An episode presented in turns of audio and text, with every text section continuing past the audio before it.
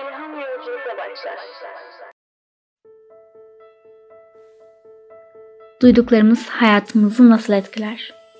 Kelimelerimizin bizim üzerimizde büyüleyici bir gücü var.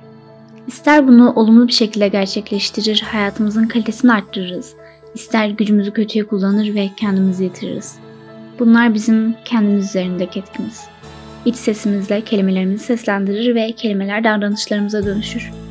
Başkalarını etkilemek için yine kelimeler lazım. Konuşmak, iletişime geçmek hayatımızın olmazsa olmaz bir parçası. Bizi biz yapan başkalarıyla olan iletişimimiz.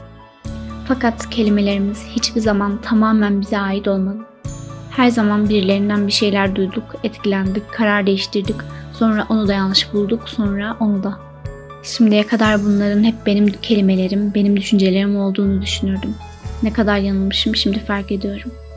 Her şeyimi kaybetsem bile kelimelerim benimle kalır çünkü onlar bana ait diye düşünürdüm. Bu düşündüğüm bile benim düşüncem değilmiş.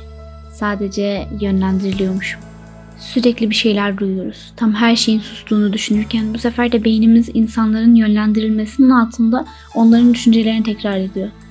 Cesur Yeni Dünya kitabında uyurken çocuklara bir şeyler dinletilirdi ve uyandıktan sonra da belli aralıklarla bunu tekrarlarlardı. Kitabı ilk okuduğumda bunu sorgulamıştım ama biraz düşündükten sonra mantıklı geldi. Elbette uyurken sadece bir şey duymakla öğrenmek mümkün değil ama düşüncelerimizi kuvvetlendirebilir. Duyduklarımız düşüncelerimize dönüşür, düşüncelerimiz kelimelerimize, kelimelerimiz hayatımıza. Bu yüzden coğrafya kadardır, bu yüzden ailemiz neyse biz de oyuz. Ama sadece ailede bitmiyor, kendimizi sığdırdığımız çevre de çok önemli. Herkesin sürekli bağırdığı, kalabalık bir yerde yaşıyorsak duymaktan bunalmışızdır ve biraz yalnızlık isteriz. Aslında kendimizi yalnız hissettiğimizden değil, yalnızlığımızı yalnız yaşayamamaktan. Veya tam tersi çok sakin bir yerde yaşıyorsak hayatın daha yoğun aktığı yerlerde vakit geçirmek isteriz. Bir şeyler duymaya muhtacızdır belki de. Aslında etkilenmek kötü bir şey değil. Zaten kötü olsa bile bu bir zincir gibi ilerliyor. Bunu asla değiştiremeyiz. Ama kendimizi ve kendimize verdiğimiz değeri değiştirebiliriz. Sürekli bir şeyler duyacağız. Sürekli yeni fikirlerle karşılaşacağız. Zaten olması gereken de bu. Fakat kendimizin öncelik olduğumuzu unutmamalıyız.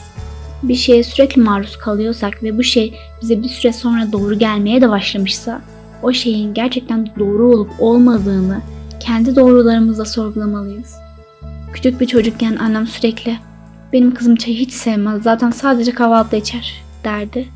Yıllarca çay içmedim. Sonraları canım çekse bile içmedim. Bazen çok ısrar ettiler ama yine de içmedim. O şey benim üzerime damgalanmışçasına. Sonra bu damgayı söküp yırttım üzerimden. Ben çay insanıymışım ya. Bu ufak bir örnek fakat sizin için ufak olan şeyin başkası üzerinde ne kadar büyük bir etkisi olduğunu tahmin bile edemezsiniz. Kelimelerimize ve duyduklarımıza dikkat edelim.